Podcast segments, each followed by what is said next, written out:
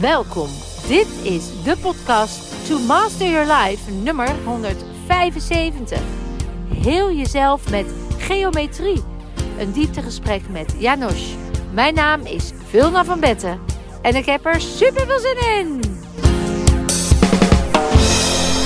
Ja, lieve dames en mensen, ik uh, mag er weer een doen vandaag. En met niemand minder dan Janos.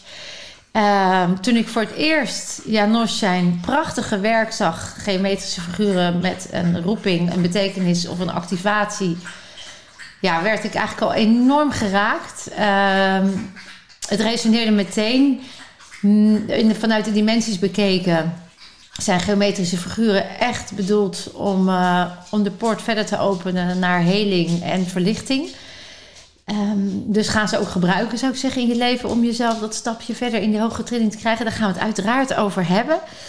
Maar uh, eerst eens even, wie is Janos? Ik heb, zoals ik je, wat ik erover heb, je, heb gevonden, maar we gaan natuurlijk helemaal uitkomen, is dat jouw tipping point in je leven kwam nadat je een zwerver had ontmoet. Ja, klopt. Ja, hè? Ja, is eigenlijk uh, bijna 20 jaar geleden, was november 2003. Uh, stoeide ik best wel een beetje met mijn leven. Ik, ik, ik, had alles goed voor elkaar, naar de buitenwereld toe. Een succesvol leven, goed inkomen. Ik was grafisch ontwerper, maar ik miste iets. Uh, maar ik had niks met spiritualiteit. Ik vond mensen die mediteren, vond ik zelfs maar woe-woe, noemde ik dat. Uh, geitenwolle sokken. en, uh, en toen, ik woonde in Amsterdam, liep ik in het Vondelpark om te lunchen. En kwam een zwerver op me af die me stevig beet pakte en me aankeek. Hij stonk verschrikkelijk. Echt out of the blue? Out of the blue, maar zijn ogen vergeet ik nooit meer. Ik heb nooit zulke liefdevolle ogen gezien. En hij vroeg, jongen, ben je wel gelukkig? En dat was een blikseminslag dat ik dacht, zo, ik dacht dat ik gelukkig was. Mooi huis, mooie auto. Maar ik ben eigenlijk helemaal niet gelukkig. En dat heeft mijn leven eigenlijk 180 graden omgegooid. En maar wat, wat, wat gebeurde? Want het voelt alsof je leefde in de flow van het leven. Of tenminste de fuik of de flow. Of uh, we gingen ja. naar werk, je ging naar werk. Uh, je, je, had je centjes, je betaalde je, je huur of je hypotheek. En zo gingen de dagen zeg maar exact. voort. Ja. Nooit stilstaande in een stuk bewustzijn van... doe ik wat ik leuk vind? Ben ik wel gelukkig? Is dit wat... Nee, het, het ontstaat. Hè? Je, je, maakt natuurlijk wel keuzes. En ik ja. was grafisch ontwerper en dat vond ik heel gaaf om te doen. Dus ik, ik, deed niet iets wat ik echt niet wilde. Alleen mijn focus was wel... Uh, ik was heel ambitieus. Ja. Is, is, is geld verdienen en succesvol zijn. Ja. En ik stelde me eigenlijk nooit de vraag... wat voel ik? Het was echt zo van, hé, hey, dit doe ik goed. Hey, dit is weer een succesje. Uh, en zo leefde ik. Ja. En die zwerver was eigenlijk een wake-up call. Zo van, hé, hey, maar er is meer. En, en, wat voel je? Maar hoe, hoe, hoe oud was je toen? Nou, dat is 20 jaar geleden. Ik ben nu 61, dus toen was ik 41. Ja, dat is ook echt wel een soort momentum. Nou, dat is geen midlife, maar wel momenten van je leven om als het moet gebeuren. Ja, zo van... nou ja, dat kan natuurlijk op elke ja, leeftijd. dat is ook maar, zo. Maar... Uh, uh, nee, het was echt een wake-up call. Dat Ja. heeft de boel flink in de war geschopt. Ineens Ja, vond hoe- ik bepaalde dingen niet meer leuk. Ineens ging Oh, ik ja. over dingen twijfelen, terwijl ik altijd heel erg goed wist wat ik wilde. En eh toen ontstond er even chaos. Ja, en dat, die chaos is altijd de ingang voor, Ja, eh, voor, hè, voor nieuwe dingen te Ja, creëren. maar dat weet je achteraf. Ja, precies. Achter, dat is het. Dus in dat moment voelt het heel erg onhandig. Maar inmiddels eh, heeft dat ertoe geleid dat je op een heel ander pad bent gekomen. Want je zei, ik vond dat zweverige en dat mediteren allemaal maar woe-woe. En toch ben jij nu degene die dat Die dat predikt, ja. En hoe? Bijna. Ja. Nou, nou weet je, het, wat wel heel apart was... Ik, ik kwam dus echt wel in een beetje een dip terecht. Omdat ik eh, Ja. ineens ja, ging voelen... Hey, is, is dit het leven? Hè? Is, is, is het zo bedoeld? En, eh, en toen begon ik ineens beelden te zien. Een beetje dagdromend. eh geometrische beelden te zien. En ik had geen drugs, geen alcohol gebruikt. Dus ik dacht, nou, ik- misschien ben ik overspannen. Misschien burn-out. Want eh, nou, het is toch wel heel vreemd. Maar door ik grafisch ontwerper ben, dacht ik, ik ga het maken. Want als, ik, als het wel fout gaat en ik moet naar een arts, kan ik in ieder geval laten zien, dit is wat ik zie. dus zo ben ik die beelden gaan maken. En ehm, Je bent gewoon gaan tekenen ik ben wat gewoon je gaan zag. tekenen wat ik zag.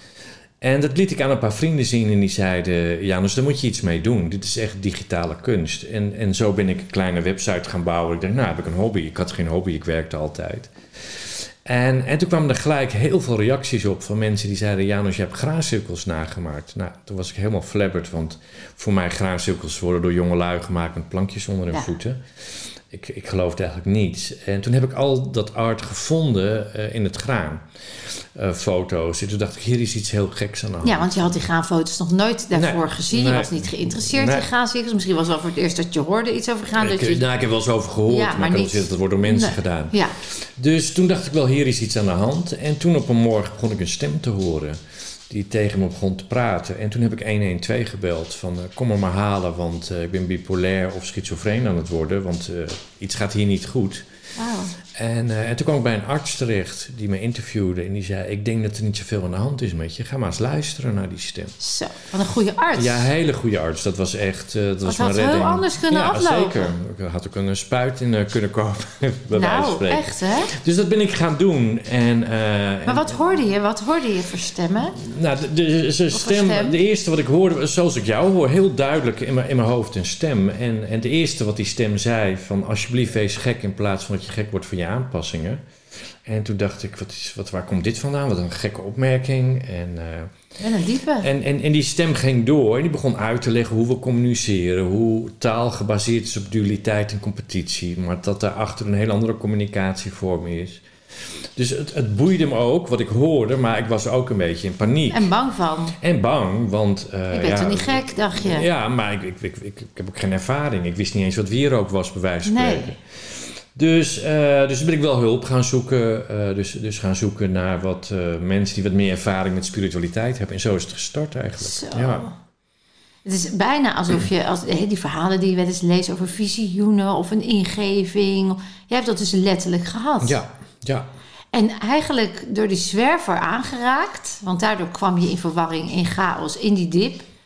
Ja, maar Daardoor weet, je stilstaan. wat ik er ook uit heb gehaald toen, als ik terugkijk in mijn leven, en ik denk dat iedereen dat heeft, dat je wegwijzers hebt, dat dingen plaatsvinden in je leven. Bij mij ging het heel snel achter elkaar.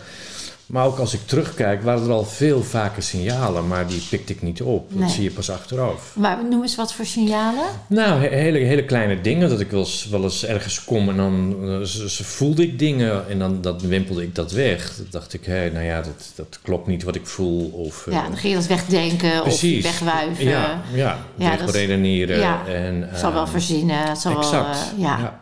En achteraf, dus als je terugkijkt, zeg je, ik was misschien altijd al zo sensitief.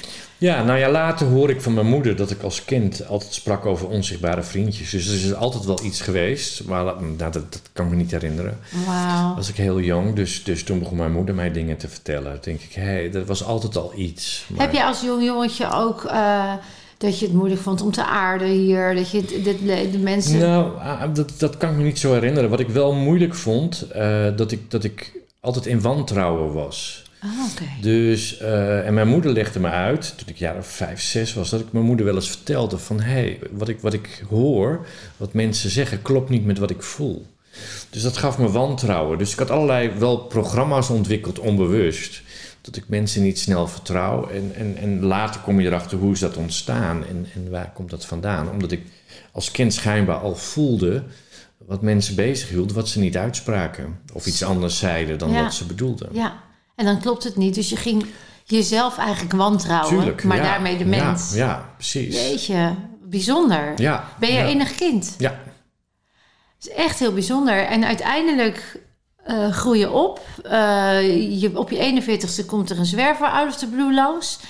Die doet dus kennelijk wel iets. Doordat hij je zo diep in je ogen kijkt... dat je in ieder geval stil gaat staan. ja.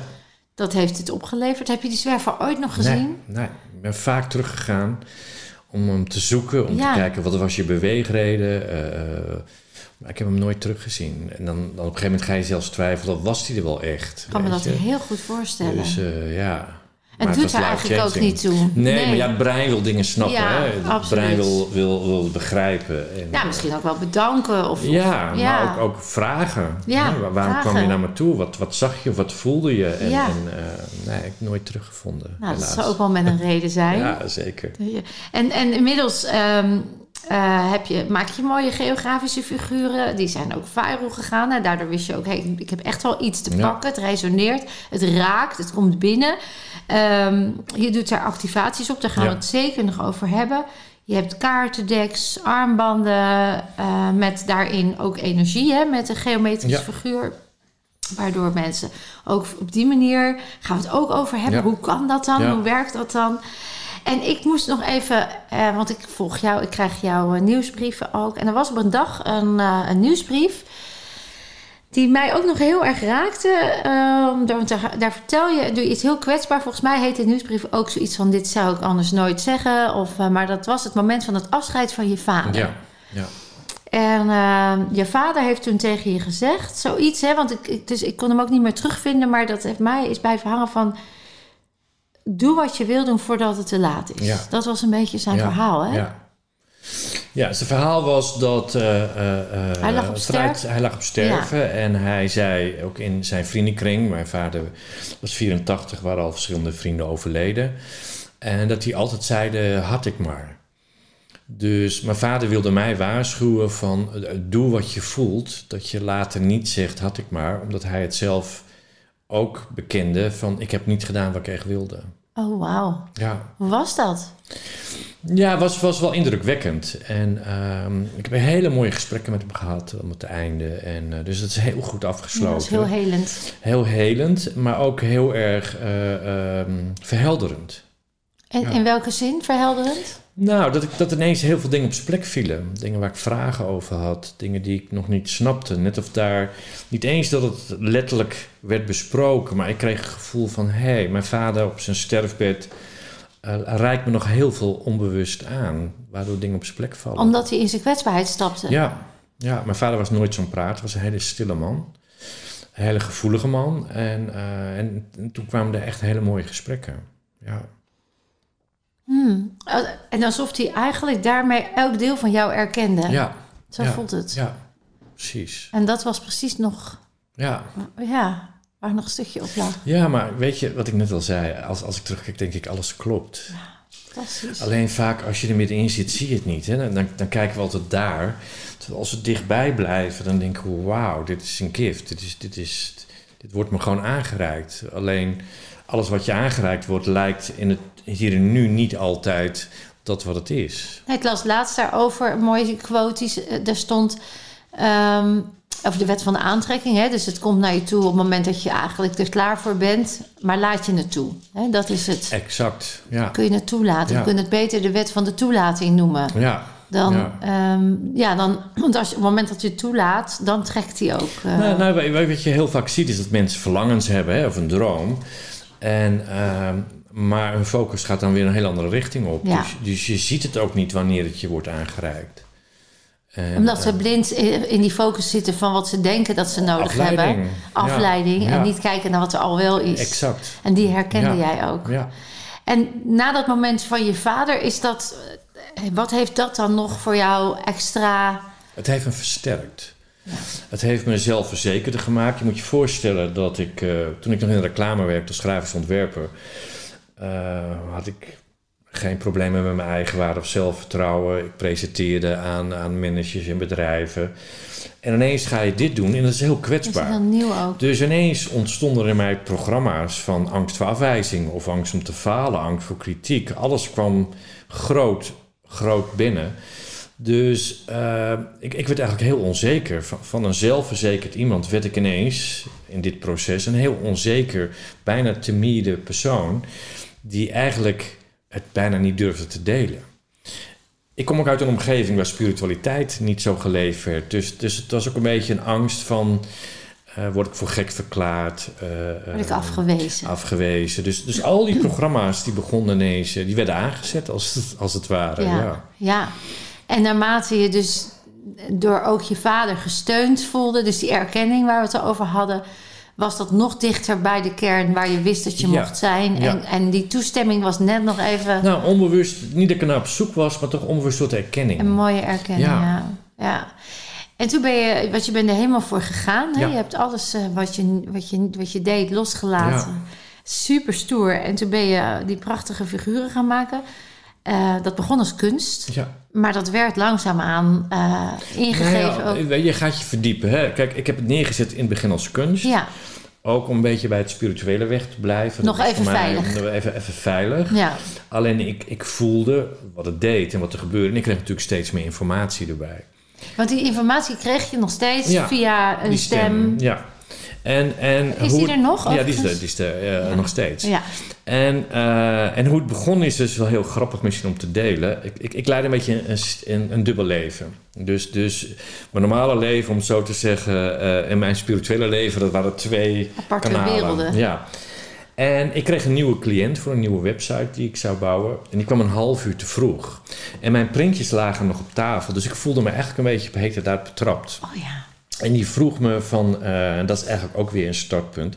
Ze vroeg, wat is het? Dus toen heb ik heel ja, voorzichtig uitgelegd wat we zo overkomen. En, en ze was zo geraakt dat ze zei, ik heb één keer per maand een meditatieclubje in Binnenkom, in een kerkje. Vind ik leuk om dit daar te presenteren. Nou, alles in mij schreeuwde natuurlijk nee. Maar als je angst voor afwijzing hebt, kun je geen nee zeggen. Dus ik zei ja. en zo eh, eh, ontstond mijn eerste presentatie. En ik weet nog heel goed, ik reed naar binnen, kom ik een hele PowerPoint gemaakt. En toen zei ze, dit is me nog nooit gebeurd, maar ik heb 60 mensen vanavond. En toen heb ik op de parkeerplaats mijn hele PowerPoint met 10 seconden steeds ertussen de pagina's op automatisch gezet, zodat ik niet hoefde te presenteren. En eh, op enter gedrukt, storterend iedereen welkom geheten. En ik ben de kerk uitgevlucht. Dat was mijn eerste presentatie. Je hebt hem gewoon Ik afgedraaid. heb gewoon afgedraaid. Ga maar kijken. Ga maar ik zeg kijken, niks eh, over. voel maar. Ja. Oh, wauw. En, en dat was Nou, eigenlijk is het dan, startpunt. terwijl je dat, eh, je werd uitgenodigd en tegelijkertijd schoot je in een stuk, maar je ging hem aan. Was daar dan ook die stem die dan bijvoorbeeld zei: moet je wel doen, moet je Nee. niet doen? Nee, ik, ik moet je zeggen, deze niet. stem heeft nog nooit tegen me iets gezegd wat ik moest doen. Nee. Dus het is echt een stem die ingevingen brengt, Ja, ja. maar En nooit stuurt. als een soort channel, Ja, ja. maar niet jouw levenspad Nee. in die zin stuurt. Nee, nee, soms best wel balen. Want ik Ja, heb best wel je- levensvragen. En dan eh, krijg ik daar geen antwoord op. Kom, doe even. Maar dan nou, nee, nee, daar gaan we het niet over hebben. Nee, in het begin heb ik natuurlijk heel vaak de vraag gesteld: waarom eh, overkomt me dit? Hè? Eh, Ik, ik, ik zeg, ik wist niet Ik wat wierook was, ik wist niet wat chakras waren en ineens hoor ik een stem. Wa- Waarom communiceren jullie niet met iemand die heel Die veel ervaring wel, heeft? eh, ja. En dat is wel een grappig verhaal. En dan kreeg ik altijd als antwoord: je bent er nog niet klaar voor om dat antwoord te krijgen. En, eh, en na een tijdje vroeg ik als ik die stem weer had en ik was eh, aan, aan het channelen. Ik vind het een beetje een vies woord, maar om Nou ja, er kwam iets door, ja. En, eh, en stelde ik vaak weer die vraag, hè, waarom ik? En steeds kreeg ik hetzelfde antwoord, je bent er niet klaar voor. En, en dan ga je aan je programma's werken, hè, angst voor afwijzing. En, eh, En hoe ben- ging je daar dan aan werken? nou, dat, dat wil ik je uitleggen. Oh, door, door dit verhaal dat ik geen antwoord kreeg, ging ik het eigenlijk overschrijven vanuit arrogantie. Dus niet vanuit heling, maar vanuit programmering. Dus ik begon arrogant te worden. Ik zal wel een hele bijzondere ziel zijn. Het zal wel iets heel spectaculairs bij mij in de hand zijn, anders zouden ze mij niet hebben gekozen. Dus op die manier ging ik dat programma overschrijven. Dus ik ging hem niet helen, maar en dat was een prachtige les. En toen zei dus op een gegeven moment... Janus, je bent er klaar voor om het antwoord te krijgen. Dus ik dacht, nou, ik ga een champagnefles opentrekken. Nu krijg ik te horen hoe bijzonder ik ben. Ja, En toen gaven ze als antwoord... we hebben jou gekozen omdat we wisten dat je dit leuk zou vinden. Dus dat was een afknapper. Niks groots, niks niks belangrijks. bijzonders. Maar hun boodschap was eigenlijk... als iedereen gaat doen waar hij van houdt... is succes verzekerd. Dan ga je genieten, dan krijg je levensvreugde. En dan ontstaat er het is ook wel overvloed. weer prachtig, want het sluit weer heel erg aan met die zwerver. Ja, Dit is eigenlijk jou een kant op duwen van ga iets doen waar je Ja. gelukkig van Ja. wordt. In plaats van eh, blijf doorgaan met wat je doet. En het lijkt alsof er een engel of een dat signaal heeft beetgepakt om oké, nu is hij dit klaar voor, nou is hij wakker. Ja. Nou gaan we Dan door. gaan we hem pakken. Ja, nou, nou is die, nou gaan ze er ontvankelijk voor. Dat is natuurlijk prachtig. ja mooi hè? Heel mooi. En dan schrijf je dat je inmiddels ook buitenaardse codes ontvangt. Of, Ja, zo, zo, zo heb ik het genoemd. Ja? Omdat ik ben natuurlijk gaan verdiepen. Wie is die stem? Waar komt het vandaan? ja. En, en dan kom je op een tricky afdeling. Omdat bij buitenaards heb je altijd een beeld. Ik ook. Dat zijn een soort marsmannetjes. Met die grote eh, zwarte- exact. Maar al- als we in een religie over engelen hebben... is eigenlijk ook buitenaards. Het is een frequentie. Het is eigenlijk een parallelrealiteit... die hier gewoon plaatsvindt. Maar het is buiten het aardse. Dat vind ik ook buiten klinken. waarneembare. Precies. Hmm. En, eh, en dat wordt in de, in de wandelgangen buitenaards genoemd. Dus het zijn geen eh, vliegende schotels en, eh, en dat soort dingen. Het is, het is een energievorm. In een andere vorm dan het menselijk ja, lichaam. precies. Ja. Dus je ontvangt energie in een frequentie. En dat zijn codes. Ja, ja en de, de, in de codes, dus ik, ik heb het volgens mij net al even aangeraakt. Al, alles wat ik met jou deel uh, uh, via taal is gekleurd, is, is niet 100% zuiver. Ja. Kijk, kijk als, ik, als ik met je praat, een verhaal over een prachtig bos, dan krijg ik helemaal een warm gevoel, omdat ik vroeger met mijn ouders altijd uh, boswandelingen maakte. Nou, jij bent geplaagd op school, op de bosrand, dus je hebt een hele andere beleving bij het woord bos. Dus onze taal is nooit 100% zuiver, omdat we dat filteren via saboteur of geprogrammeerde dingen die we hebben. En geometrie is de taal van de ziel. Zo noemde Plato dat vroeger al. In Egypte had je de mystery-scholen. Dus geometrie, alles, alles wat zichtbaar is, is geometrisch. En daar zit geen oordeel op. Er zit geen oordeel op, Ja. maar we, kunnen ook, we hebben ook geen referentiekaders Nee. daarop. Dus het, het communiceert veel dieper en directer met je onderbewustzijn. Ja, het, het laat de filters weg. Ja, Ja. Dus het komt gelijk daar waar het exact. binnen mag komen. Ja, ja. Ja, precies. Want ehm, de kracht van taal is natuurlijk enorm en die mogen we ook niet onderschatten. Maar dat is nog heel erg in die driedimensionale Exact, wereld. ja. Waar het gaat over polarisatie en het dualisme en goed of fout. Dus die, die En oordelen. competitie, hè? Competitie, word ik wel gehoord, ja. word ik wel serieus genomen. Er kan van allerlei energieën onder zitten. Ja, dus dat, dat, dat die trillingsfrequentie van het driedimensionale veld, dat zien we nu ook verschuiven. Hè? Dus de aardefrequentie neemt ook toe. Ben je daar ook voor, word je dan voorgelicht? Krijg je ook daar mooie... Ja. ja. Maar vooral in het begin van de coronatijd natuurlijk heb ik heel veel vragen Oh gesteld. ja, Wat is hier gaande? En eh, er kwam altijd hetzelfde antwoord, een evolutiesprong. ja. De- Dus ook, de ja. mensen die wij misschien bestempelen als machthebbers of als, eh, zeggen ze, dat is 3D-denken. ja, dat is nog het oude Dat systeem. is het oude systeem. Ja. Dus, dus ga uit dat 3D-denken en, en kijk groter. Iedereen heeft een functie. Mhm. En, eh, en de mensheid zit in een grote evolutiesprong. Ja. ja, en dat is mede doordat het, de aarde gewoon nu echt ons die kant opduwt. Ja. Die trilling, je, ik, ik vertel het ook in mijn events. Je, ja, wil je of niet, hoe lang je er tegen vecht, hoe, hoe meer je jezelf uitdaagt om het... eh, De Acturianen noemen het, we zitten weer in het geboortekanaal. En Ja. hoe meer we eh, weerstand geven, hoe langer duurt eh, de geboorte. Voordat je bevrijd ja. voelt. Ja, dus precies. ga er maar in mee. Durf het Ja. maar aan te gaan. Ga, die, ga maar in het donker, in de duisternis. Waar de vrouwelijke ener- energie oorspronkelijk zit. Hè. De baarmoeder is ook donker, daar, Ja. daar creëren we uit. Maar donker hebben we allemaal willen vermijden. Hè. Ontkennen, niet voelen. Maar niet... daar liggen wel de antwoorden. En daar liggen de antwoorden. Ja. En dat, dat zien we nu echt steeds meer. Eh, ik zeg altijd, heling is het antwoord op alles. Ja. Ehm, de reden dat we nog oorlog voeren is vanuit oud celgeheugen, oude pijn. Niet, hè, dat zit nog allemaal ergens in ons. Als we dat gaan helen, hoeven we geen oorlogen meer te voeren. Kunnen we weer next level. Ja, hoe, hoe meer mensen naar die heling gaan, denk ik, hoe sneller we ook het wereldtoneel veranderen. Exact dat, ja. En met die geometrische figuren ben je eigenlijk direct... Hè, maak je eh, ingang op die poort. En elk figuur heeft een frequentie. Ja. Je doet dat inmiddels samen ook met geluid. Ja. Wat noem je dan een activatie? Ja, het, het, het is, je moet denken aan bioresonantie. Ja. Dus alles heeft energie, alles is frequentie. Elk orgaan, elke emotie, elke gedachte, je hele lichaam, zijn allemaal frequenties. Ja. Eh, om het uit te leggen voor mensen die niet weten wat frequenties is, je kunt een ruimte binnenkomen en zonder dat je weet waarom denken, hé, hey, hier voel ik me niet prettig. Dat is energie. Ja. Of andersom, ik voel me juist gelijk hier heel prettig. ja. Dus, dus alles is trilling, alles is energie. Ja. Nou, die energie kun je vertalen in geluidsgolven, waardoor je op celniveau, hè, we hebben ook celgeheugen, eh, kunnen we via die frequenties eh, sneller helen. Ja, ja. En, en door die eh, geometrische figuren plus de klank samen te voegen, pak je eigenlijk een dubbele Ja, hè, Zowel manier. het fysieke als, eh, als het eh, spirituele. Precies, pak je dan lekker mee. En de activatie, dat noem je zo, dan open je als het ware de poort naar een deel Ja. wat... Ik zeg altijd, wij plaatsen niets. Jouw ziel herkent de taal. Ja. En daarmee ga je je onderbewustzijn triggeren. In je onderbewustzijn zit ook je programmering. Want je gaat niet 's morgens wakker worden en zeggen... Hey, ik ga om drie uur even onzeker worden. Dus in je onderbewustzijn zit van allerlei programmering aangeleerd. Ja, Ehm, en die gaan we dus aanspreken. ja. Daar waar je mag helen, daar waar nog Ja. energie niet stroomt...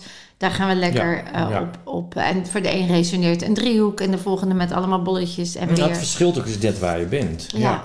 Hoe was het? Want je kwam erachter dat het dus onbewust graancirkels waren. Ja. Is dat, want nu heb je, er zijn nu geen graancirkels meer. Nu zijn Die, ontstaan nog steeds. Heel af en toe is, is het een graancirkel, vind ik hem terug. Ik heb ook een aantal gemaakt wat pas later een graancirkel werd. Maar ook heel Dat veel codes zijn... mogelijk. Ja, ja. Maar ook heel veel zijn geen graancirkel. Dus ehm het, het loopt een beetje zo en je door krijgt het heen. altijd door hoe het eruit moet zien. Ja, ik zie ze. Ja, en je krijgt ze iedere dag opnieuw of krijg je... Nou, niet elke dag. Het hangt van mijn staat af. Weet je, ik zit ook wel eens in mijn hoofd. Ja. En ik eh, maak me wel eens druk om dingen. Ik ben nog steeds niet verlicht, helaas. dus dus als, als ik heel erg in het denken zit, dan, dan is dat kanaal niet daar. Ik moet echt ontspannen zijn en ik moet in een heerlijke flow zijn. Dan, eh, dan, dan ga ik ze zien. Ja, want kom, hebben die... eh, dat is vaak ook een, een, een kenmerk bij mensen die lichtwerkers zijn of helers. Hè, die worden vaak mooi als een medium gebruikt om dingen in de wereld neer te zetten. Die herken ik zelf ook. Ehm, kom je ook aan jezelf toe? Omdat het vaak via jou gaat, eh, mag je soms ook heel bewust zelf... Ja, maar, maar het moet. Weet je, ik, ik, ik kan dit werk niet doen als ik niet, geen zelfreflectie heb. Ik, Ja, eh, zelfreflectie, maar ook zelfheling. En, Zeker, hè, dus zeker. want- gebruik je je eigen geometrische Ja, figuren daar ja, ook voor? Ja. Ik, ik zeg wel eens, ik moet elke code doorleven, anders kan ik hem niet maken. Ja. Dus de, de codes die ontstaan kloppen vaak ook bij waar ik zelf sta. Ja. Eh, dus, dus het gaat vaak Ja, gelijk op aan mijn persoonlijk proces. Ja. Jij komt in een Dus- dus- transformatie. ja. en dat, Dus ik, ik zie het niet als een, als een channeling die wordt doorgegeven en ik, ik doe mijn dingetje. Ik zie het vaak als een persoonlijk proces. En dat die geef je weer door. kan gebruiken om anderen hetzelfde ja, da- daar geef je te beeld aan. Ja, En, en dat, ja, wauw. En, ehm, w- want inmiddels heb je echt visuele hologrammen, zag ik ook nog. Dat visuele hologrammen, hè, dat is hoe je het noemt. Ja, ik, en ik noem het ook activaties, omdat het klinkt weer heel apart, maar de geometrie klopt niet. Anders zou het mandala's zijn. Het zijn geen mandala's. Oh, zo. Eh, maar mandala's zijn 100% geometrie. Omdat ze symmetrisch zijn? Ja, exact, eh, nauwkeurig en dat brengt je in rust. Eh, wij noemen het activaties, omdat ze 9% afwijken. Maar ons brein zoekt altijd naar harmonie en balans. Dus stel dat ik heel depressief ben, even als een extreem voorbeeld, zoek ik misschien balans in drugs of alcohol. Ja. Dus het brein van ons is altijd aan het compenseren, aan het overcompenseren of aan het compenseren. Dus dat mechanisme eh, kwam ik pas later achter, wordt gebruikt bij die activaties, omdat jij geometrie bent. Ja? Uh, als jij kijkt naar geometrie die afwijkt zonder dat je met je blote ogen het gelijk kunt zien, anders gaat het brein weer aan en die gaat dan dat meten. Uh, wijkt het 9% af, waardoor het niet gelijk zichtbaar is, maar je onderbewustzijn gaat het rechtzetten. Omdat die uh, die balans zoekt, dus die compensatie zoekt, dat is het, het ja. mechanisme. En zo komt de energie in beweging in het onderbewustzijn. Het heeft dus, dus ook toch wel ook nog heel veel te maken met de intentie ook. Ja. Want ik zat te denken, een tato, je kan natuurlijk een tato laten zetten. Ja.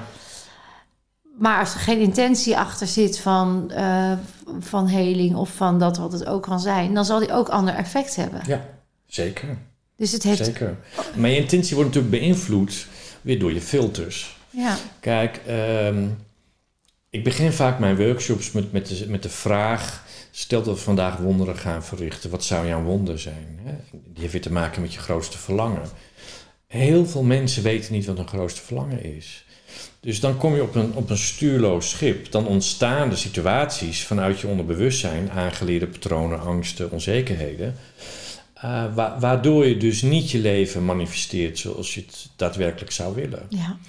Dus je intenties worden beïnvloed met waar je staat. Als jij en met denkt, het bewustzijn waar je bent. Ja. ja. En als jij de overtuiging hebt, ik ben het niet waard, of ik verdien het niet, of ik ben er niet klaar voor, dan... Dus dat ook de intentie die je Ja. meegeeft Ja. aan het sollicitatiegesprek. Ja. Ik, ik was in het begin altijd heel vaak op zoek naar de waarheid. En ik heb echt moeten leren dat de waarheid niet bestaat. Nee, En, het zijn eh, allemaal ideeën. Ja. Dus, en dat geldt voor elke persoon. Dus, dus, Dus wat eh, resoneert, wat voelt. En daar mag je Nou, dan... de, de, de waarheid is onderhevig aan, aan waar je staat, Ja. wat je denkt, wat je voelt, waar je, waar je, wat je hebt aangeleerd. Als ik geleerd heb mijn hele leven dat het gras blauw is, dan blijf ik de intenties, blijf ik mee werken dat het gras eh, blauw is. Ja, Ehm, dus het is heel belangrijk om ook, ook te kijken eh, waar komen je intenties vandaan? Ja, wat, wat is de intentie eigenlijk? Om Ja. bewust te worden van dat wat je, Exact. wat je gelooft Ja. over een situatie. En we zitten natuurlijk over- ook nog, hebben nog familiekarma. We zitten, heel veel mensen zitten ook in, in wat, wat er van hun verwacht werd Ja. als kind. En dat nemen we mee als we volwassen worden. Dus ergens aan voldoen. Nou ja, familie en collectief karma. Dat allemaal zeker. weer, hè, dat zien we op heel veel gebieden. Dan onbewust denk je dus gewoon dat het zo hoort. Ja, als ik voor mezelf spreek, dan... Ik denk dat ik als jonge meid al heel erg eh, open stond en bewust was van dat mensen ehm, dingen zeiden die niet klopten, niet congruent waren. Het voelde anders dan wat er werd eh, gezegd. Eh, ik confronteerde mensen daar ook mee. Ehm, maar ja, er was gewoon een soort collectieve norm. En zo hoort het. En dat soort vragen stel je niet. Of, en dat sluipt zo erin. En ik denk dat, dat we... Ik durf wel te beweren dat we de meeste kinderen daar nog heel erg in kunnen bewegen. Omdat ze nog in alle, allebei de werkelijkheden... Nou, of- als, als we het daarover gaan hebben, ik vind dat onderwijs echt nodig op de schop moet. vreselijk. Eh, kinderen leren eh, niet wat voelen is, leren niet wat intenties zijn, leren niet hoe we projecteren De en wat van het inhoudt. taal. De, de, de, wat, hoe, waar voel ik iets in mijn lichaam? Wat betekent Exact. dat? Wat wil het mij vertellen? Ja, Ja, het onderwijs mag volledig. Nou, dat Ja. gaat ook gebeuren. De, de kinderen halen de leraren in. Dus ja het, het is ook het is ja, een achterhaald is systeem. zien. Ja, ja. En, maar het is wel precies dat. En ik denk dat juist door die opgelegde normen vanuit het oude denken, vanuit het oude systeem, dat daardoor ook dat collectieve geheugen. Dat had ik laatst nog aan te denken. God, iedereen vindt dus. Of het nou over relaties gaat of over. Dan hoort het op een bepaalde manier. Terwijl het gaat.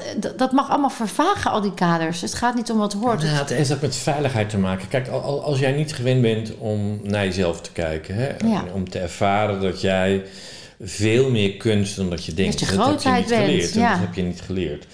Dus het is ook een structuur die veiligheid biedt. Hè. Door jou voel ik me vervelend.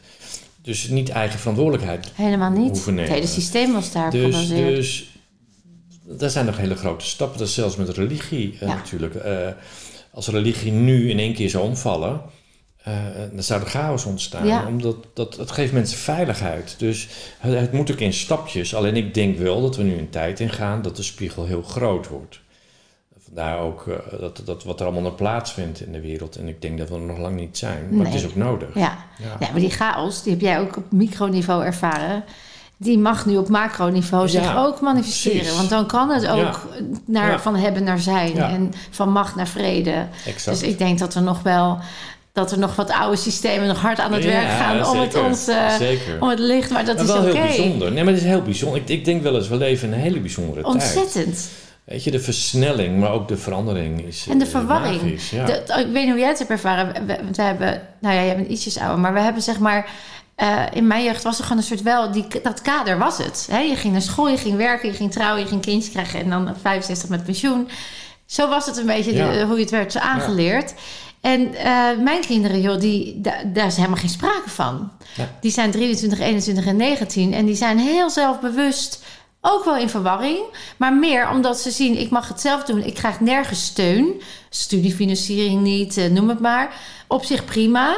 Eh, maar hoe doe je dat dan? In een, in een ergens nog oud systeem. Maar wij willen al nieuw. Ik zie ook heel erg die Nee, maar het is een struggle. enorme. Eh, eh, kinderen worden steeds gevoeliger en, en Ja. spreken ook vanuit hun gevoel. veel meer. Eh, maar de maatschappij is daar natuurlijk nog niet op ingericht. Nee, dat. En, ehm, maar die, die, die kinderen worden een nieuwe generatie. Dat straks gaat alles om. Dat kan niet anders. Ja. Nou ja, daar mogen zij nog even doorheen. Hè? Ja. Dat, eh, Ja. dat stel ik ze dan ook maar. Van reken er gewoon op dat jij iets moois eh, aan het neerzetten bent. En dat dat soms gepaard gaat met wat onrust. En Ja. blijf daarin dicht bij jezelf. En ja, en zorg, duidelijk maken dat, goed dat, voor het, jezelf. dat het niet hun eigen onrust is. Dat, dat de wereld in verandering is. Ja. Ja. En dan is dat zorgen en dicht bij jezelf blijven is gewoon de, de, hoofdmoot. Ja. Dus be prepared. Ja. Eh, dan, dan sta je veilig met jezelf. Je hebt inmiddels heel veel mooie, eh, met de geografische ontwerpen, ook heel veel mooie dingen. Ik zie mooie kettingen, die zag ik ook op je website. Ehm, wat, want daar heb je meerdere betekenissen ook bij. Hè? Elk, Ja. elk figuur heeft weer Ja, een... het is, eh, is ook weer de taal van geometrie, alleen omgezet in bioresonantie. Mooi. Dus eh, biogeometrie wordt het ook wel genoemd. Biogeometrie is, is, is een soort kwantumfrequentie die zonder dat je energie nodig hebt, energie kunt opwekken via vormen en verhoudingen. Geometrie is daar natuurlijk op gebaseerd. ja.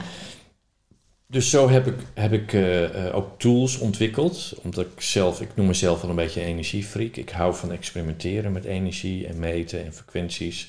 Wat doet het, wat kunnen we ermee? En zo zijn ze eigenlijk ontstaan. En, en deze, daar zit dus een, een geometrisch figuur op. Ja, er zitten drie lagen geometrische patronen in. Dus Ja. die, eh, die trilling, die zitten v- precies weer in verhouding tot de gulden snede uit elkaar. Er zit ruimte tussen. En doordat daar licht doorheen valt, werken die vormen dus een frequentie op.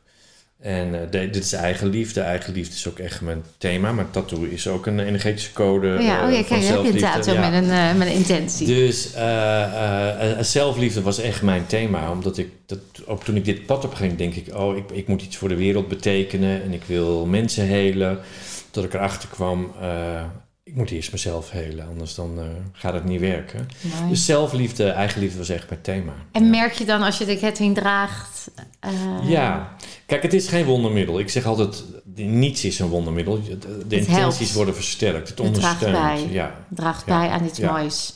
En zo heb je ook armbandjes hè, met mooie kleurtjes erop. En toen zag ik op je website, als je dan dat, je kan er iets afhalen of daaronder zitten. Nou, deze kun je opschuiven. Dit is een leren bandje. Oh, en ja. verschillende frequenties. een verzameling maken. kun je verzameling maken en eh er zit weer de kwantumcode op die je huid raakt, zeg maar. Dat is weer die frequenties. Nou, hier zit dan een blauwe laprosiet in. Dus we werken ook met eh, stenen om te combineren met, eh, met de frequenties. Mooi. Ja. En dit is dan de lemmiscaat, eh, de oneindigheid of wat is het? Nee, dit is, goed? een codering, die, oh ja, dit is zie, het protection. reflecteert Ja. een beetje. Oh, hij lijkt op de lemmiscaat. Maar dat is protection. En de blauwe lapis lazuli, die is dan voor... eh De- de- deze staat voor eh, de- je waarheid spreken. Oh ja, dus je bij je waarheid, waarheid je blijven, je waarheid, waarheid ja. spreken. Altijd eerlijk eh, delen wat je voelt. Ja, en dat zijn dan leren bandjes. Ja. Eh, mooi. Ja. Echt eh, wat, wat briljant bedacht ook. Ja, Want het zet, het zet gewoon weer... ja, maar dat vind ik leuk. Ik vind het leuk om dingen te ontwikkelen, dingen te ontwerpen en zo. Ja. Heel mooi is het. Nou, je kwam binnen en eh, ik kreeg een onwijs mooi boek van je. Met dank daarvoor. God ontmoet God. Ja. Ja, die titel die raakt al meteen. Ehm, de zoektocht naar wat goddelijkheid betekent. Ik heb nog niet gelezen. Ga ik het antwoord krijgen? Als ik, Ik denk dat je het antwoord zou kunnen krijgen. Dat, het boek is, is, is, is ontstaan op een manier dat ik, dat ik zelf begon vast te lopen. Het ging bij mij heel snel. Toen ik, toen ik echt hiermee naar buiten kwam. Ik heb twee keer voor de VN in New York gepresenteerd. Ik reisde de wereld over. Het ging heel hard. En op een gegeven moment denk ik... Maar is dit wat ik wil? Kijk, het, het klinkt mooi om gelijk succesvol te zijn... Maar ik raakte mezelf daarin kwijt. Het, ging zo hard. En ik gaf een retreat in, eh, in Siberië, in, eh, in eh, Rusland, met een groep. En op een morgen werd ik wakker en denk ik, ja, is dit het? Is, is dit wat ik echt gekozen heb? Ehm, en toen ben ik een dialoog gestart met die stem. In principe over, over mijn persoonlijke vragen in het leven. En toen zei die stem, we gaan eh, alle antwoorden geven die je wenst. Maar daarnaast gaan we met symboliek komen. Dus een, een verhaal met je delen. En als je dat verhaal gaat voelen, dan kun je sneller helen dan dat we je dogmatisch de antwoorden geven. En, en zo is het boek ontstaan. Dus het is een dialoog met tussendoor een verhaallijn tussen twee eh, persoonlijkheden. Eén is een eh, schrijver en de ander is een architect. En die moeten elkaar tegenkomen. En als die elkaar tegenkomen, als er twee één worden, gaat de hemel open. Dat was het thema. En dat is God ontmoet God. En, eh, maar voor de rest ga ik het niet uitleggen, je moet het maar Dan moet lezen. het lezen, maar het klinkt heel En, interessant. en, en, en dat, dat, dat was helemaal niet de bedoeling dat het boek zou worden. Het was echt voor mezelf. En toen die bijna af was, toen ging mijn dagelijks leven, dingen die ik meemaakte, de verhalen die ik schreef in het dialoog, alles ging door elkaar heen lopen. Dus op een gegeven moment dacht ik, maar wat is nou werkelijkheid en wat is nu fictie? En alles, alles werd één brei. En toen dacht ik, hé, hey, maar hier ligt het antwoord. Dit is, dit is echt God ontmoet God. En toen dacht ik, ja, maar ik ga dit uitgeven. En toen wilde ik sleutelen, want dan ga je ineens denken, ik ga naar buiten. Ja, dus dan moet het ergens aan En, voldoen eh, of zo. moet ergens aan voldoen. Ja. Of eh, bepaalde dingen zijn te persoonlijk. Er komen allerlei thema's aan bod, ook seksualiteit, no- noem maar op. En toen wilde ik gaan sleutelen. En toen voelde ik, ja, maar dan ga Is ik een kunstje doen. echt. Dan is het niet meer Ja. echt. Dus ik heb hem echt zo gelaten als die. Ja, en dan was. werkt het, want dan klopt het. En dan, Ja. dan is die ook klaar. En dan, Ja. dan moet het ook eh, zo Dus zijn. het was nooit de bedoeling om een boek eh, te schrijven. Dus ik ben van oorsprong ook geen nog. schrijver. Nee, Dus ehm, ja, dat, dat ontstaat dan. maar je hebt geen ambities om meer boeken te schrijven. Nee, Dit was echt zo'n... Ik zit heel erg in het moment. komt, ja. Ik, ik plan eigenlijk niets. Nee, want hoe ziet een beetje jouw, jouw, eh, jouw werkleven en je dagelijks leven eruit? Dat ligt natuurlijk heel dicht bij elkaar. Want Ja. je, je, je doet Ja. wat je leuk vindt. Je noem het geen werk waarschijnlijk. Nee. Dus Nee, het- is een leukste- Als je het baan wil noemen, ik heb de leukste baan ter wereld, zeg ik. Nou, die had ik al hoor. Nee hoor, ik snap je. Je doet echt waar je hart ligt Ja, en dat ja, volg je. Dus het, is, eh, het is elke dag leuk. Het is heel afwisselend. Ehm, tussendoor maak ik natuurlijk nieuwe codes, eh, informatie. Ik ontwikkel online. Dat vind ik ontzettend leuk om te doen. Om programma's te schrijven. Om aan thema's te werken. Daarnaast geef ik natuurlijk workshops. Ik geef retreats. Dus het is, eh, het is heel afwisselend. Ben je gelukkig? Ik ben heel gelukkig. En waar ja. merk je het aan? Waar weet je het door? Omdat het leven voelt heel moeiteloos. Ja, En ik geniet. Ik geniet enorm van, eh, van mijn kinderen. Ik geniet van alles wat ik doe. Ehm, ik zou bijna willen zeggen, volgens de maatstaven is het een beetje saai.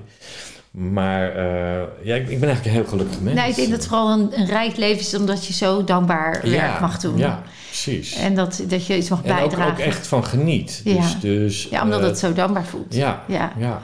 En jouw kinderen, hoe oud zijn die?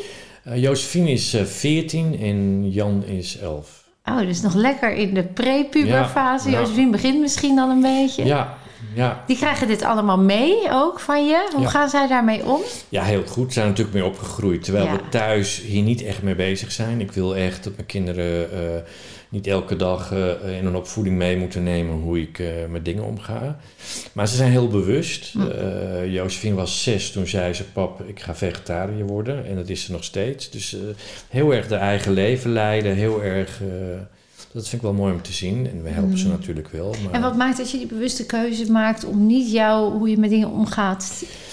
Natuurlijk pas je er toe als er problemen zijn of als er op school iets speelt. eh, ga je wel die dialoog aan. Maar ik wil niet thuis mijn kinderen opvoeden met dat ik het allemaal weet. Met jouw waarheid. Exact. Ja, die herken Ja. ik. Ja. Dat vind ik belangrijk. Ik wil ook dat ze dingen gaan ontdekken. ja. En daarnaast, zoals ik eerder zei, de, ja, de waarheid eh, eh, bestaat niet. Weet Nou, ik had net zo'n mooi gesprek met Willem Glaudemans ook over de ziel. Die dan via een route eh, uitkiest welk gezin. En nou ja, dan helemaal vernauwd hè, naar die menselijke vorm. En dat vind ik juist ook zo'n fijn gegeven. Ook, ik heb ook drie kinderen. En dat, precies wat jij zegt. Dat ik in dit bewustzijnstuk zit, wil niet zeggen dat mijn kinderen daar zijn of moeten komen. Of misschien Nou, zijn ze al laatste, verder. niet moeten nee, komen. precies. Ja. Of misschien zijn ze zelfs al verder, maar zou ik mezelf alleen maar blokkeren omdat ik dan vind dat dit de, de way Exact, of living is. ja. Dus ik vind het juist zo mooi dat mijn kinderen mij zo spiegelen en we elkaar opvoeden in die zin. Exact. Ja. En kijken naar wat is jou, waar, waar voel jij dat je ziel je bestemming heeft gegeven. En eh, ja, of dat nou is met een, eh, weet ik veel, het maakt me echt niet uit. Eh, kook een lekker recept of we gaan we buiten op straat in een natuurpark schoonmaken. Het maakt me allemaal niet uit, onderhouden. Nee, maar ze komen natuurlijk met een eigen pad hier, met een eigen doel. Dat, ja, dat vind ik zo'n fijne dat- realisatie. Dat, dat, dat, moeten we niet beïnvloeden. Nee, en soms vragen mensen wel eens aan mij van... nou, jouw kinderen die zullen dit wel allemaal... want jij... En dan zeg ik ook, nee, ik ben daar niet mee bezig. Ja. Ik geef het ze mee. Indirect, onbewust zitten natuurlijk helemaal in onze leefstijl. En, maar mijn dochter heeft ook echt ervoor gekozen... om een totaal andere wereld op te zoeken.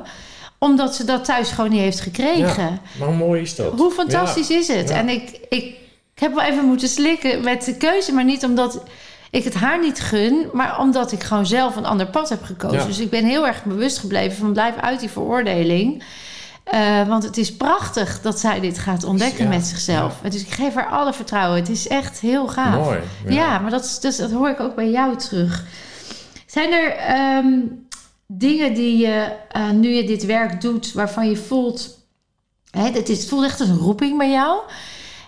Er zijn dus geen dagen waarop je denkt, nou even niet. Nee, ken ik ik niet. het zo nee, hoor. Nee, ken ik niet echt. En je Nee. vertrouwt heel erg op het nu en op het proces. Ja, ja. Zijn er nog dingen waarvan je voelt... dit is nog wel iets wat, wat ik voel dat ik nog voor mag geven? Of dat er nog... Ehm, ik, ik, ik zou meer invloed, eh, invloed Ja. beetje een raar woord, Ja, willen je. hebben op... Ik, ik vind het moeilijk als ik mensen zie worstelen, terwijl dat de oplossing zo simpel is. En mensen het niet zien of niet willen zien. En dat kan maar raken. Een soort weerstand, Ja. onbewust, die ziektewinst. Ja, en dan, dan, dan en ik, ik wil niet forceren, ik wil mensen inspireren, maar dan, dan denk ik wel eens, nou, z- deze moet ik bij de kop grijpen, want wat doe je nou, weet je? Dus ik, Mm. ik, ik zou, eh, ik, ik, ik geloof in dat wij als wezens eh, een en al liefde zijn, als ziel. En dat we door eh, beschadigingen in ons leven bepaald gedrag hebben ontwikkeld. Eh, en ik zou daar een groter steentje aan bij willen dragen om mensen weer terug te brengen bij hun liefde. Een nog groter steentje dan dat je al doet. Ja, ja. Omdat het voelt alsof het nog niet snel genoeg gaat of niet...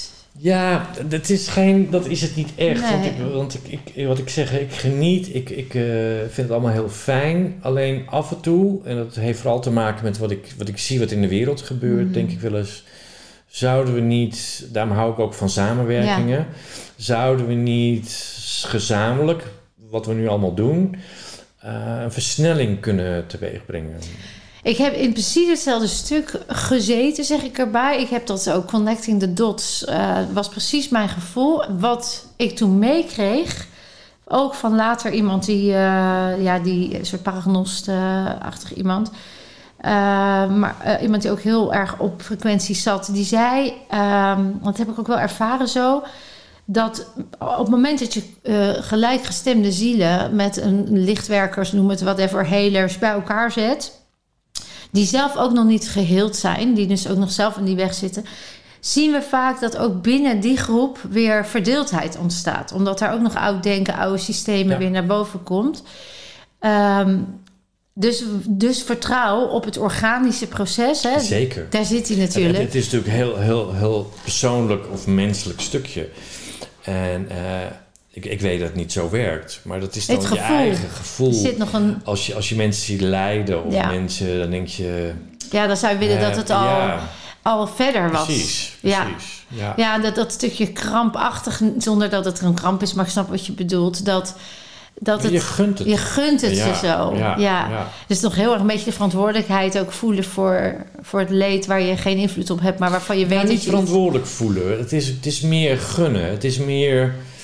ehm, Nou ja, in die zin verantwoordelijk.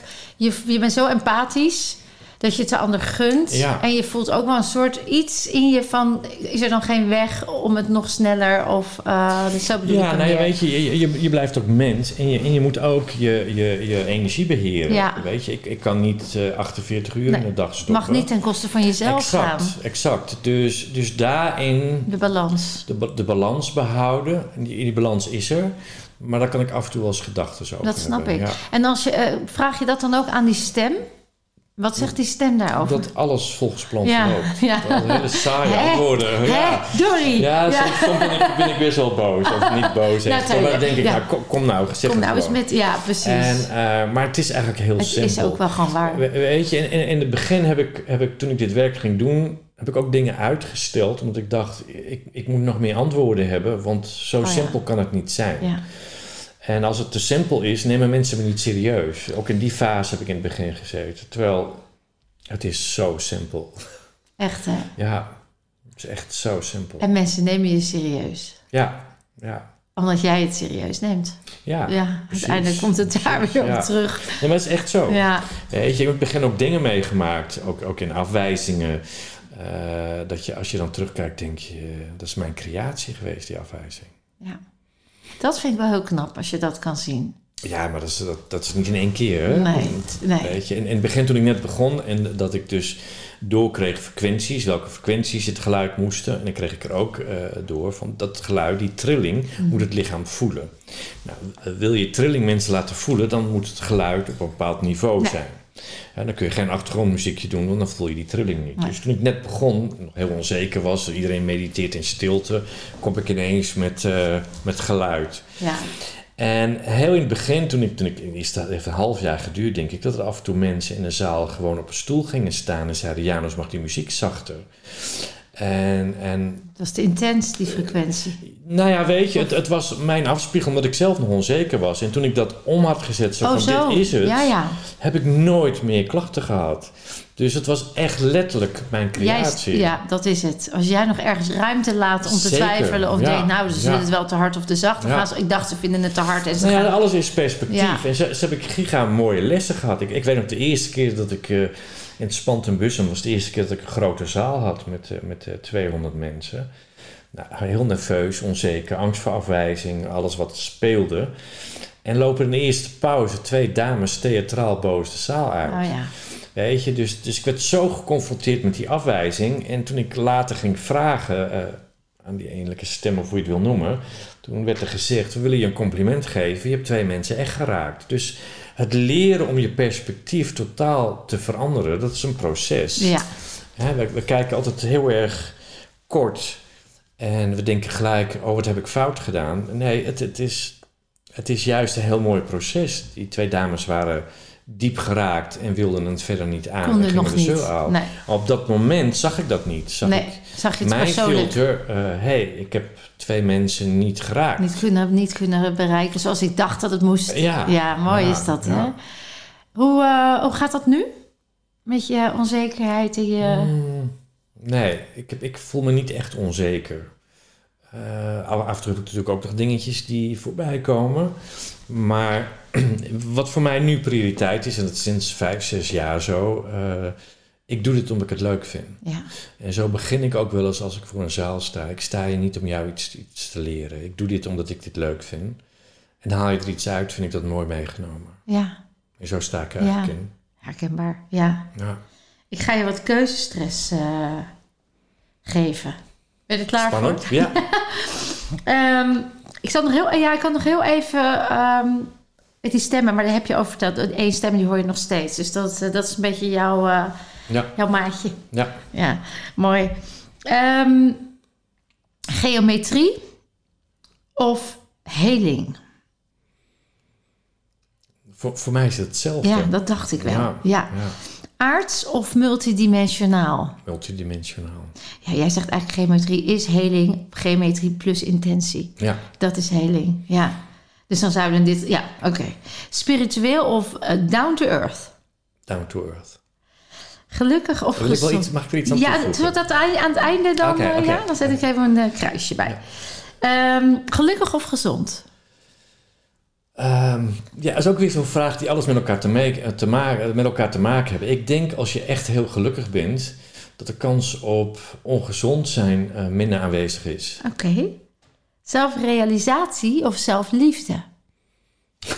Stel je moeilijke vragen. Ja, we hadden niet Ik- gezegd dat het ook makkelijk dit was. vind ik wel alles met elkaar te maken hebben. Ja, ik, is ik het denk dat eigenliefde een sleutel is tot zelfrealisatie. Ja, dus het één is dan dus net even als je moet Ja. kiezen. De- welke zei je dan? Ja, nou nou ja, ik, ik denk dat eigenliefde en zelfrealisatie, die horen bij elkaar. Zonder eigenliefde kan ik geen zelfrealisatie nou, dan is het dus hebben. zelfliefde. Ja, Ja, daar heb je ook een ketting van om, dus die klopt. Doen of zijn? zijn. Zweethut of ijsbad? Van Dat mag niet. uh, zweethut. Dan maar zweethut. Ja. Ehm, westers eten of leven op lucht? Westers eten. Ik ben wel een boegon. Zelfbewustzijn of ego? Zelfbewustzijn. Naïef of onbevangen? Ehm, het zit bij mij soms ook een dun lijntje. Ik kan ook heel naïef zijn, eh, maar onbevangen. Onbevangen, hè? Geloven of zien? Zien. Therapie of zelfredzaam? Zelfredzaam. Puur natuur of natuurlijk? Ook weer een moeilijke. Voor de hand ligt om te zeggen puur natuur. Maar ik kies toch voor natuurlijk. Oké, ik zet het kruisje bij. Regulier of complementair? Complementair. Meditatie of in de natuur zijn? In de natuur zijn. Volg je dromen of succes is een keuze? Volg je droom. Links of rechts? Rechts. Leefstijlvaccin of COVID-vaccin? Wil je eens herhalen? Leefstijlvaccin of COVID-vaccin? Ja, ik heb moeite met het woord vaccin. Leefstijlinjectie vaccin, ja, of ja, nou die eerste, die ja eerste. zeker. Ja, vaccin willen we sowieso niet. Nee, Aangeleerd of aangeboren? aangeboren. Het leven is een keuze of het leven kiest jou.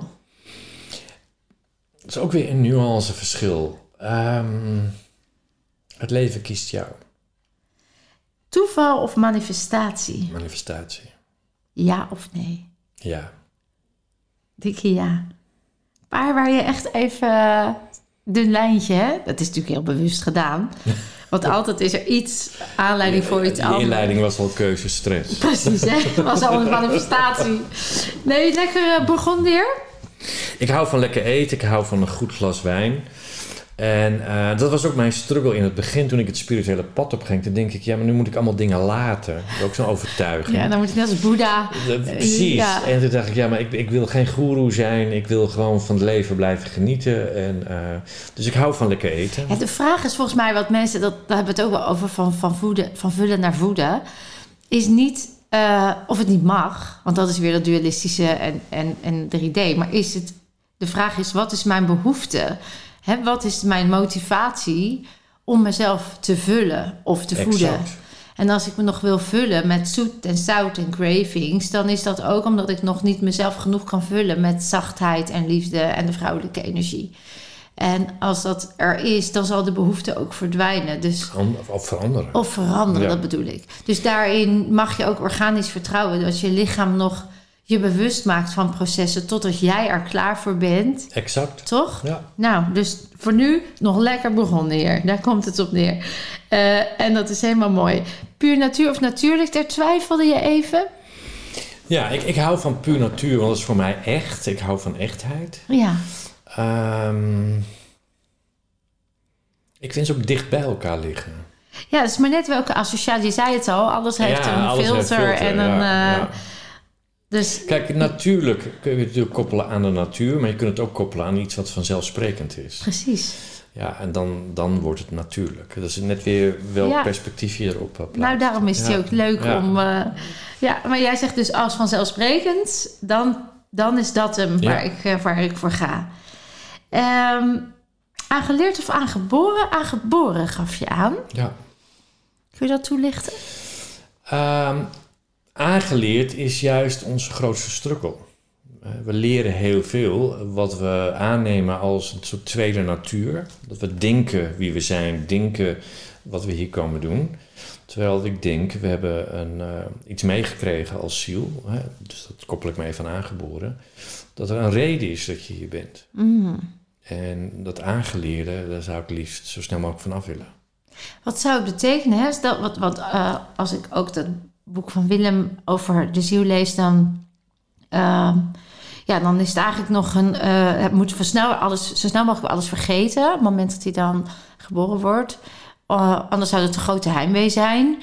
Ehm, en dan moet een, moet een ziel dus eigenlijk alles hoe het op aarde werkt opnieuw leren. Dus het is, blijk, het is blijkbaar ook een soort noodzaak dat we toch dingen aanleren om te kunnen functioneren. Ja, dat kunnen we natuurlijk op verschillende manieren benaderen. De, de, de, zoals ik er naar kijk is, als ziel hebben we maar één frequentie, dat is liefde. Ja, De ziel is liefde. En de ziel kiest ervoor om die liefde te ruiken, aan te raken, te voelen, want dat kunnen we als ziel niet. nee. En dan komen we hier en dan is onze grootste uitdaging om te erkennen en te herkennen dat we liefde zijn. Ja. En daar begint de struggle al. Want we zijn bang voor liefde. Dus, dus En wat hele- maakt dat we, dat is dat geconditioneerde systeem. Ja, Waar je, Ja. ja. Dus de competitie, en dualiteit de polarisatie maakt dat we, dat we bang zijn om in die liefde te stappen. Ja, het is ook een hele slimme manier om macht aan de macht te houden. Ja. Als mensen maar verdeeld blijven, Exact. dan hoeven we niet. Ja. ja. Dus eigenlijk, ehm, ja, wat ik zou, ik, als we uit het idee kunnen stappen dat je kennis nodig hebt om te zijn, dan kun je altijd zijn in liefde. En dan doet het er niet toe wat je IQ is. Of je, dat is volgens mij Ik denk dat kennis misschien wel de grootste belemmering vijand is. is, ja. Of vijand, belemmering is een mooier woord. Ja. Ja. nou ja, ja, het hoofd wil het begrijpen om het gevoel van controle te hebben. Nou, maar het ego wil alles begrijpen. Ja. Het, het hoofd moet het snappen. Ja, en en daarom, snappen, daarom is ja. het wel mooi als je het wel meeneemt om versneld tot heling te komen. Want als het, als, als, als het, als het ego meewerkt, gaat natuurlijk de heling nog sneller. Ja, Die geeft ook weerstand onbewust. Uh, maar ik denk wel dat kennis ons grootste probleem is. ja. Ja, ja daar, zit een, eh, daar zit enorme conditionering Ja. op en een collectieve ook. Waardoor je ook, je wil niet anders zijn dan de rest van de groep. Hè? Dus dan kom je in dat stukje ja. afwijzing. Ja. Maar Ja. dat, dat begint natuurlijk al heel jong. Hè? Op, de, op, op, de, op de basisschool moeten we al toetsen doen. Dus daar begint al van, oh, jij hebt een hoger cijfer als ik. Dat, Dus daar jij bent beter dan, ja. slimmer dan. Jij zal sneller een baan Ja. krijgen. Ja, eens. Het mag wat mij betreft allemaal eh, over de schutting. Schutting, ja. Ja. Ik heb nog een, ehm, dankjewel, nog een mooie rubriek. En dat is eh Dr. Phil. Mhm. een soort eh, ja, metafoor. Ehm, want ik doe heel veel healings. En stel dat ik ehm, jou een mooie reset zou- zou mogen geven in je celgeheugen. Ehm, zou je op dit moment, hè, waar, waar ontmoet jij jezelf op dit moment? eh, waarvan je zegt, nou, als daar, als ik die next level kan krijgen weer dichter bij mijn ziel, dan zou het nog. Mm, moeilijk, moeilijk. Ik, ik ben eigenlijk heel erg tevreden op het moment. Ik zit lekker eh, in mijn vel. Ehm, ongeduld. Ja, ik, nou, ik wilde het net voor je Ja. invullen. Ik kan heel ongeduldig zijn. ja, Ja. misschien dat stukje ongeduld Ja. zou ik zeggen. Ja. ja. Ik heb eh, soms wel kleine oordeeltjes dat hier alles veel te traag gaat. Ja, ja. Wat, ook, wat ook dan in die werkelijkheid bevestigd wordt. Ja, Ja, en dat is ook een beetje het voorbeeld wat je net eh, aangaf. En heeft dat dan ook, dat ook gelinkt nog aan een stukje zie mij, hoor mij? Onbewust? Nee, dat vind ik niet meer zo belangrijk. Nee, dat stuk is al los. Ja. Dus het is meer eh, het gunnen waar je het net over had. Ja, weet je, bepaalde dingen kunnen me heel erg raken. Ik zal eens zo'n voorbeeld noemen. Eh, eh, ik zag vorige week een foto voorbij komen dat ik zelf kinderen heb, waar een man ze aan in de, in de, in de earthquake, de aardbeving, de dochter zijn hand vasthoudt. Dat kan mij gigantisch raken. En dan denk ik, waarom hebben we dit nog nodig? Dan, dan, dan word ik ongeduldig. Dus- ik, we moeten met z'n allen veel harder aan de slag. Ja, Ja. dat leed. Het Ja. leed. eh, Ja. en, en wat is het leed wat jou is aangedaan, waardoor je dat zo. Ja, dat vind ik moeilijk, omdat ik ervaar niet dat ik echt leed heb meegemaakt in mijn Is het leven. misschien wel in jouw, in jouw. Niet in jouw leven, maar wel. Nee, ik denk de laatste stukjes hebben alles wel met mijn moeder te maken. Ik heb een, eh, een, eh, broer en zus gehad, die zijn verongelukt voordat ik geboren werd. Oh my god. Dus ik heb altijd wel stukjes van mijn moeder overgenomen, waar ik pas later bewust van, heb ik nooit gezien. Eh, en, en daar zitten nog wel restjes. Nou, maar dan is Eh, dat ook wat ik voelde. Want ik voelde dus dat verdriet en ook die, dat leed. Ik dacht, er zit een heel diep, erg heftig leed. Nou, het is, het is constant scherp blijven. Ja. Wat is van mij, wat is niet van mij. Ik zit nu exact in het proces dat op dit moment mijn moeder aan het afscheid nemen is. Dus dat kan nog een paar dagen duren, kan nog een week duren. Dus ga ik nu elke dag naartoe. Eh, en, en, en daarin komen ook dat soort stukjes naar voren. Dan zie ik haar verdriet, die ik begrijp. Ehm, soms herken, maar het is niet mijn verdriet. nee, het is niet jouw leed. Ja. En het bijzondere is, wat ik bij je moeder ook voel, is dat zij dus nu ergens heel erg oké is met het feit, want ze gaat weer door eh, jouw broer en zus ja, zien echt. Hè? En dat het ergens ook een weten. Ehm, dus dat geeft rust. Maar ook, er zit ook schuldgevoel. Er zit enorm schuldgevoel.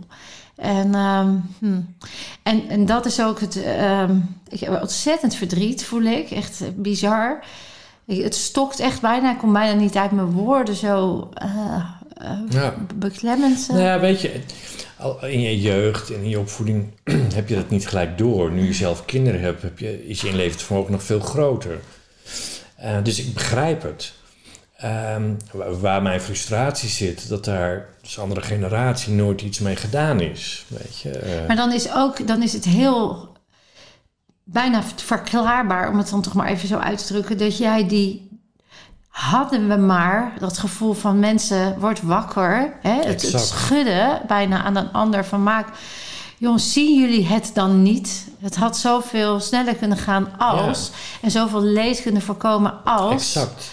Daar ligt natuurlijk ook Ja. de pijn van je moeder Ja, had je willen ja. voorkomen onbewust. Maar ook dat heeft een steentje bijgedragen. Ik heb natuurlijk ook mijn moeder gekozen en ook mijn vader Ja, gekozen. maar dat Dus- weet je nu ook rationeel wel. Maar dat wil niet zeggen dat je het al gevoelsmatig vrij hebt. mm, Ja, wat is vrij? Nou, dus ik, denk dat, dat, ik denk dat we nooit 100% vrij eh Nou ja, komen. wat ik bedoel... Ik ben me er wel bewust van. Dat bedoel ik eigenlijk. Dat het, dat het ehm, dus die hele schuld nog en dat stukje vergeving en, en eh, wat ik nu ook zo, hè, weet je, dat wat je moeder gewoon niet kon, omdat het, het moest weg. Het, moest, het, werd, het werd gewoon, weet Het je, geparkeerd. het werd geparkeerd. Ik het ook. Hard werken was de oplossing vroeger. Ja, Ja. dus, dus het, het- we hadden het er niet meer over. Dat, dat is wat jij nu ook zo doorbreekt. Ja. Hè? En, en eh, mede zit dat natuurlijk in jouw systeem meegegeven. Omdat mama er niets mee kon, mag jij er wat mee. Ja, En Ja. ik, wat ik bedoel te zeggen is, als jij in dat, in dat stuk met jezelf in het reinen komt... dan is dat ongeduld niet meer nodig. Omdat je vertrouwt, dat weet je wel. Maar in dit stuk is het zo dichtbij geweest ja. dat dat nog, daar, daar zit dan nog een stukje wat nog geresoneerd op die frequentie, waardoor dat leed van een ander, je wil zo graag dat dat voorkomen wordt, Ja, van. Maar ook als je voelt dat het voorkomen kan worden. Ja, maar dat kan dus niet. Nee, dat is, eh, dat is de realiteit. Nou, dat is de Maar- maar aanvaarding. ja, Dat ja. is de aanvaarding. Dat jij niet verantwoordelijk bent, kwam er toch een stukje op dat verantwoordelijkheid. Jij hebt je natuurlijk enorm verantwoordelijk gevoeld, onbewust. Nou, voor mijn moeder. Ja, dat bedoel ik, voor het Eh, leed van je ehm, moeder. Kijk, mijn moeder was, was altijd ziek, zwak en misselijk, om het zo te Ja, dat zeggen. En als kind begreep niks. het. Nee, is Nee, natuurlijk logisch. logisch. Achteraf, achteraf snap Ja. je dat. Dus als kind ging je al heel jong voor je moeder zorgen, als het ware. Nou, dat bedoel ik. En zo ontstaan die patronen. En later heb je dat pas door. Ja, ja, want je praat ook over je. Ja. Ik. Ja. Dus hij, snap je? Ja, ja, ja. Ja. Dus, dus ja, dat, is, dat is wel echt heel mooi. Als, Ja. ze, als ze dan met. Dus dit is al helend, merk ik. Want er gebeurt. Er komt meer ruimte. Ja. Maar het feit dat, eh, dat jij logischerwijs je verantwoordelijk hebt gevoeld voor het leed van mama. wordt nog getriggerd in het leed buiten een ander. Ja, in de wereld. zeker. En dat is nog het conflict Ja. van het leed wat jou onbewust is aangedaan. Wat niet als leed is gevoeld, want het leed van de ander is belangrijker dan jouw leed. Hè? Want zo is het natuurlijk ook Zo een patroon Ja, ja. gekomen. En mag je nu eerst je eigen leed omarmen ja, om weer in geduld te zijn met het organische proces. Mooi hè? Mooi. Ja, We hebben hem, hè? ja. Hij is rond. Hij is rond. mooi, dankjewel. Ja, jij ook. Lieve Janos, je hebt zoveel moois en je bent echt een eh, prachtige ziel. Die, eh, Dankjewel. ja, die echt eh, heel betekenisvol is. Ehm, dus ik wil je sowieso al waanzinnig bedanken voor je mooie bijdrage vandaag. En je inspiratie. Ik weet zeker dat heel veel mensen inmiddels wel via taal, maar eh, ook al geïnspireerd raken. En als ze jouw afbeeldingen zien, ja, ik kan elke keer alleen maar voor verwondering naar kijken. Ik, ik blijf het echt een wonder vinden. Ehm, misschien is er nog één iets, een quote, een mooie les. Wat als je die mee zou kunnen mogen geven aan de mensen die kijken en of luisteren, dat het. eh, Nou, wat misschien een mooie quote is om, om te melden is zoals ik begon en zoals de stem bij mij begon. Alsjeblieft, wees gek in plaats van dat je gek wordt van je aanpassen. No more words. Ik wil je onwijs bedanken. Graag gedaan. Echt gek. En lieve ja, kijkers en of luisteraars, ik hoop dat je ook weer net zo geraakt en geïnspireerd bent als dat ik ben. En je kunt veel meer dan je denkt. En je weet het, hè, je bent zelfhelende kracht.